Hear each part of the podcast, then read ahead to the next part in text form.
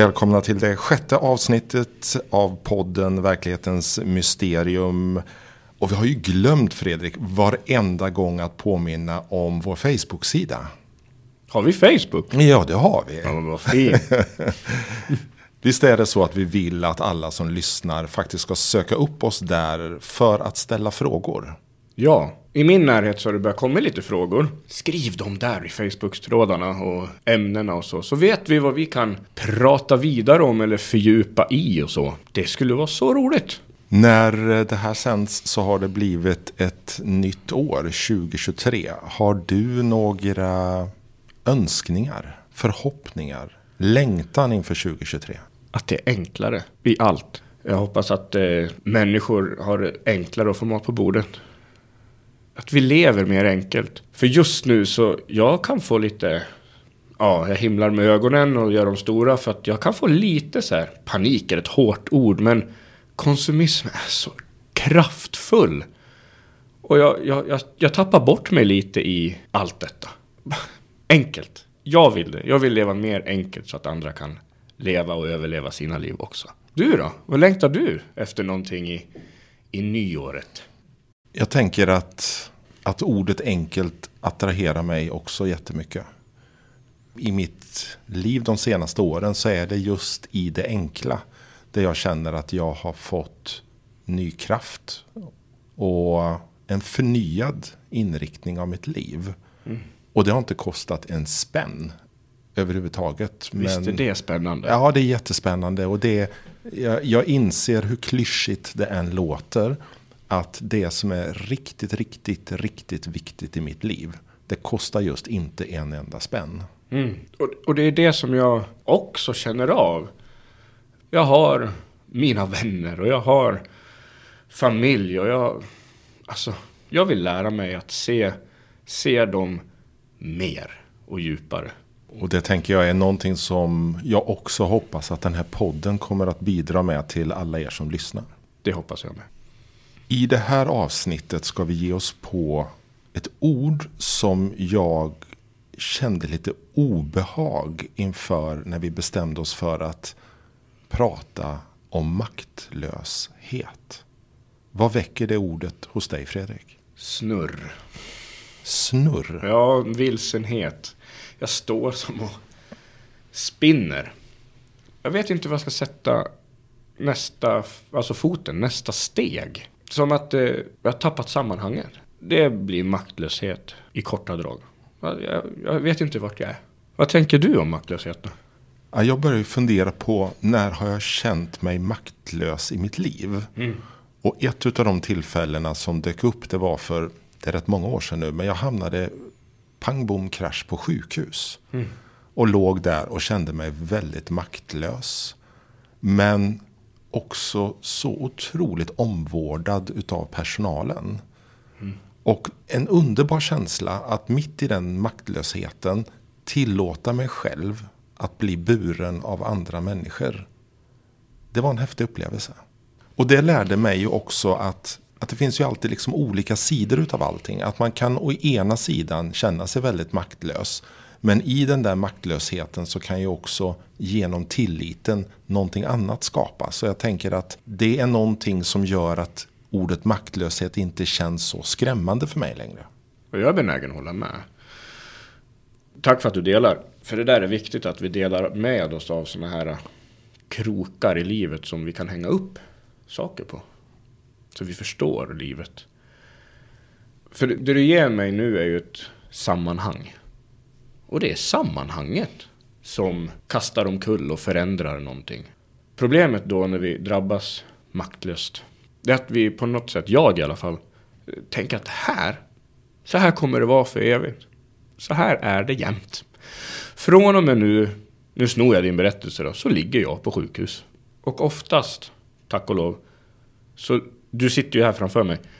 Du ligger ju inte på sjukhus längre. Och jag mår alldeles utmärkt. Ja, fantastiskt att höra. Men, men, det är så oerhört enkelt att tänka just så. Jag kommer aldrig komma härifrån. Och där, stanna upp. För maktlösheten behöver en ny riktning. Du var inne på riktning. Och det kan man inte snurra sig ur som jag inledde med. Att jag snurrar. Jag vet inte vart jag ska sätta foten. Att våga stanna upp. Att våga lita på det kommer bli bra. Det kommer lösa sig. För det är mängder med människor där ute som har just detta. Att det är svårt nu. Jag har ingen kontroll på det här. Men man lär sig mängder av det. Och så tar man nästa kliv när vi ska det. Det skulle kunna uppfattas som lite provocerande om man befinner sig mitt i den här känslan av maktlösheten och så står det någon och säger åt en att ja men du, solen går upp imorgon också. Mm.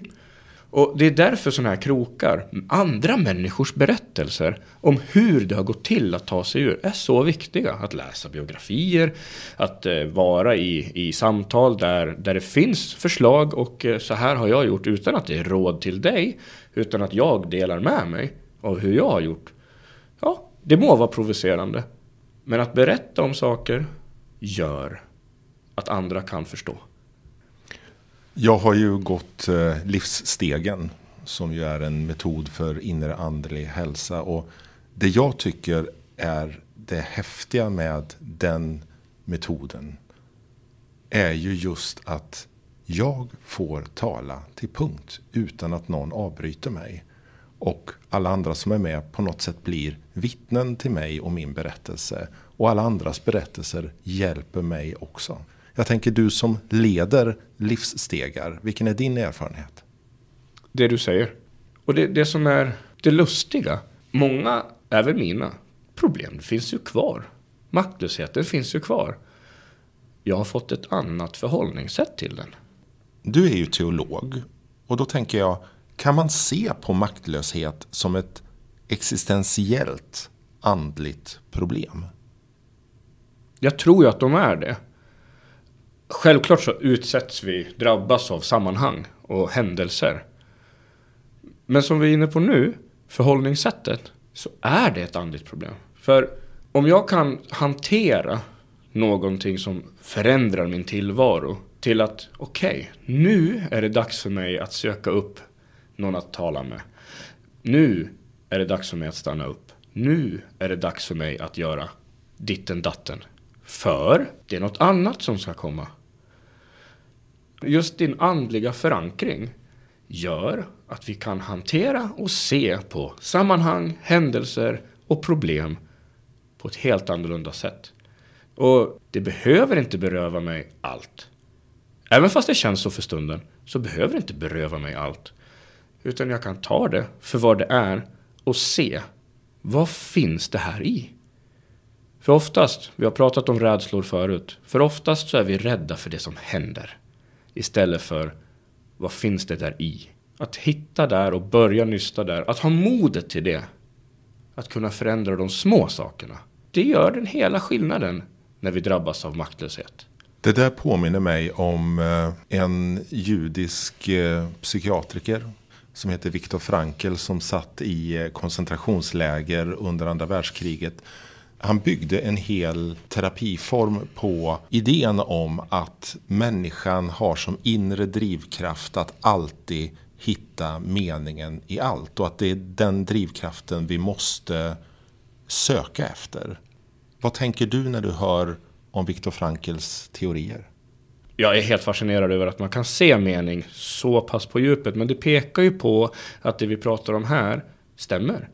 Att om man utsätts för så ohyggliga hemskheter och drabbas av det vi kallar för meningslöshet och hopplöshet så dör man. Så kraftfullt är det. Alltså så kan vi hitta det här och nu. Att eh, hur vi förhåller oss till när sammanhang förändras. Så finns det alltid någonting mer. Och just den här känslan då som jag tror att vi alla har upplevt den i våra liv. När man bara upplever att nu är allting nattsvart. Mm. Och så pratar du om förhållningssätt. Jag vet vad du menar när det gäller nattsvarthet. Det går lite som en eh, kallkår genom kroppen. Det är tur att jag har den där kalla kåren. För den är stark. Jag, jag tror att det är liksom själen som gör sig påminn. Själens dunkla natt brukar man också kalla den. Det är också där, när det är som mörkast, som vi brukar kalla det, att det är gryning snart. Stå ut. Tyvärr, stå ut. Ett andetag till. Det förändras snart. En hand kommer räckas. Det kommer komma ett ljus att tändas. Kommer hända.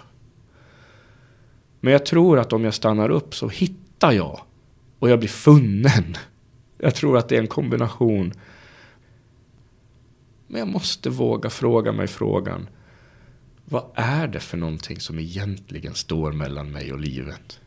Jag tänker att eh, vi är många, om vi tänker efter, som har de här berättelserna om när vi insåg att nu vänder vindarna.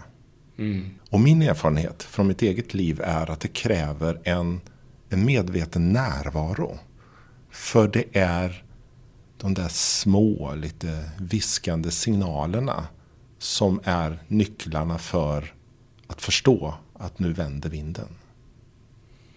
En omfamning i rätt tid. Att få vara där. Det förändrar precis allting. Utan den kramen. Det där äh, blicken med ett följt av ett oj, hur är det? De är sådana viskningar du beskriver för mig. För det gör ett steg till. Ett andetag till. Jag hörde en klok person en gång säga att det finns två sorters människor. De som blir burna och de som bär andra. Och själva poängen i den här personens berättelse var att vi är allihopa både och. Ibland behöver vi bära andra och ibland behöver vi bli burna. Mm. Och jag tänker att för mig handlar det ju om att dels förstå att jag behöver bli buren och också sen inse när jag blir det och utav vilka. Och att vi alltid är det. Det är ju kyrkans budskap, att vi är burna. Vi, vi har just den där kraften. Som förändrar liv. Som möter där det behövs. Precis där och då. På det där sättet som vi inte förstår, som vi knappast ser, men som just gör det. Jag tror vi är fulla av sådana berättelser. Mängder med det. Flertalet av oss. Att inse just det. Jag är buren. Det är det som gör att du och jag och alla andra kan bära. För att vi är burna. Vågar vi prata om maktlöshet som en möjlighet? Första tanken är tyvärr inte. Men visst är det en stor möjlighet. Kriser är ju en sån bit. Jättesvårt. Men återigen, när man börjar se möjligheterna i det. Då förändras ju saker. Askan är den bästa jorden. Det är jätteprovocerande. Det är fruktansvärt att höra, särskilt om du som lyssnar är i en livskris. Men ta det då också som ett hopp. Att det är möjligheter där i. Man ser det inte när det är just nu. Men vågar vi oss in det? Se möjligheterna? Ja, jag tror det Pascal, att det är där det sker. Det är där vi kommer ur det. När man börjar se de där utsträckta händerna, ljusstrimmorna och vägen framåt. Förhållningssättet. Hur ser jag på det här? För jag vet att det är en annan verklighet. Verklighetens mysterium. Att det går ihop ändå, trots allt. Borde vi som människor fokusera mer på hur vi kan hantera det som drabbar oss i livet snarare än att försöka söka lyckan? Ja. Varför då? För där ligger tacksamheten. För förbereder vi oss och talar om maktlöshet kommer vi se hur allting hänger samman. Var tacksamheten ligger ändå. Då blir man lycklig stundtals. Men man kan alltid vara tacksam. Det är också provocerande, eller hur? Men det är ju sant. Det kommer alltid att samexistera. Ett eh, klassiskt och väldigt tydligt exempel är ju sorg. När man är jätteledsen för att den här personen har försvunnit ur ens liv eller ja, den sorg jag tänker på är död. Och så plötsligt blir man glad av ett minne. Får man vara glad då? Ja, det tycker jag allt. Men det är svårt att vara det. Men det är just den där tacksamheten.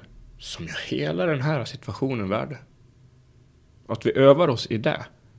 I just den biten av maktlösheten, att se den tacksamheten. Det är just de bitarna som förändrar allting, för de är så, så kraftfulla.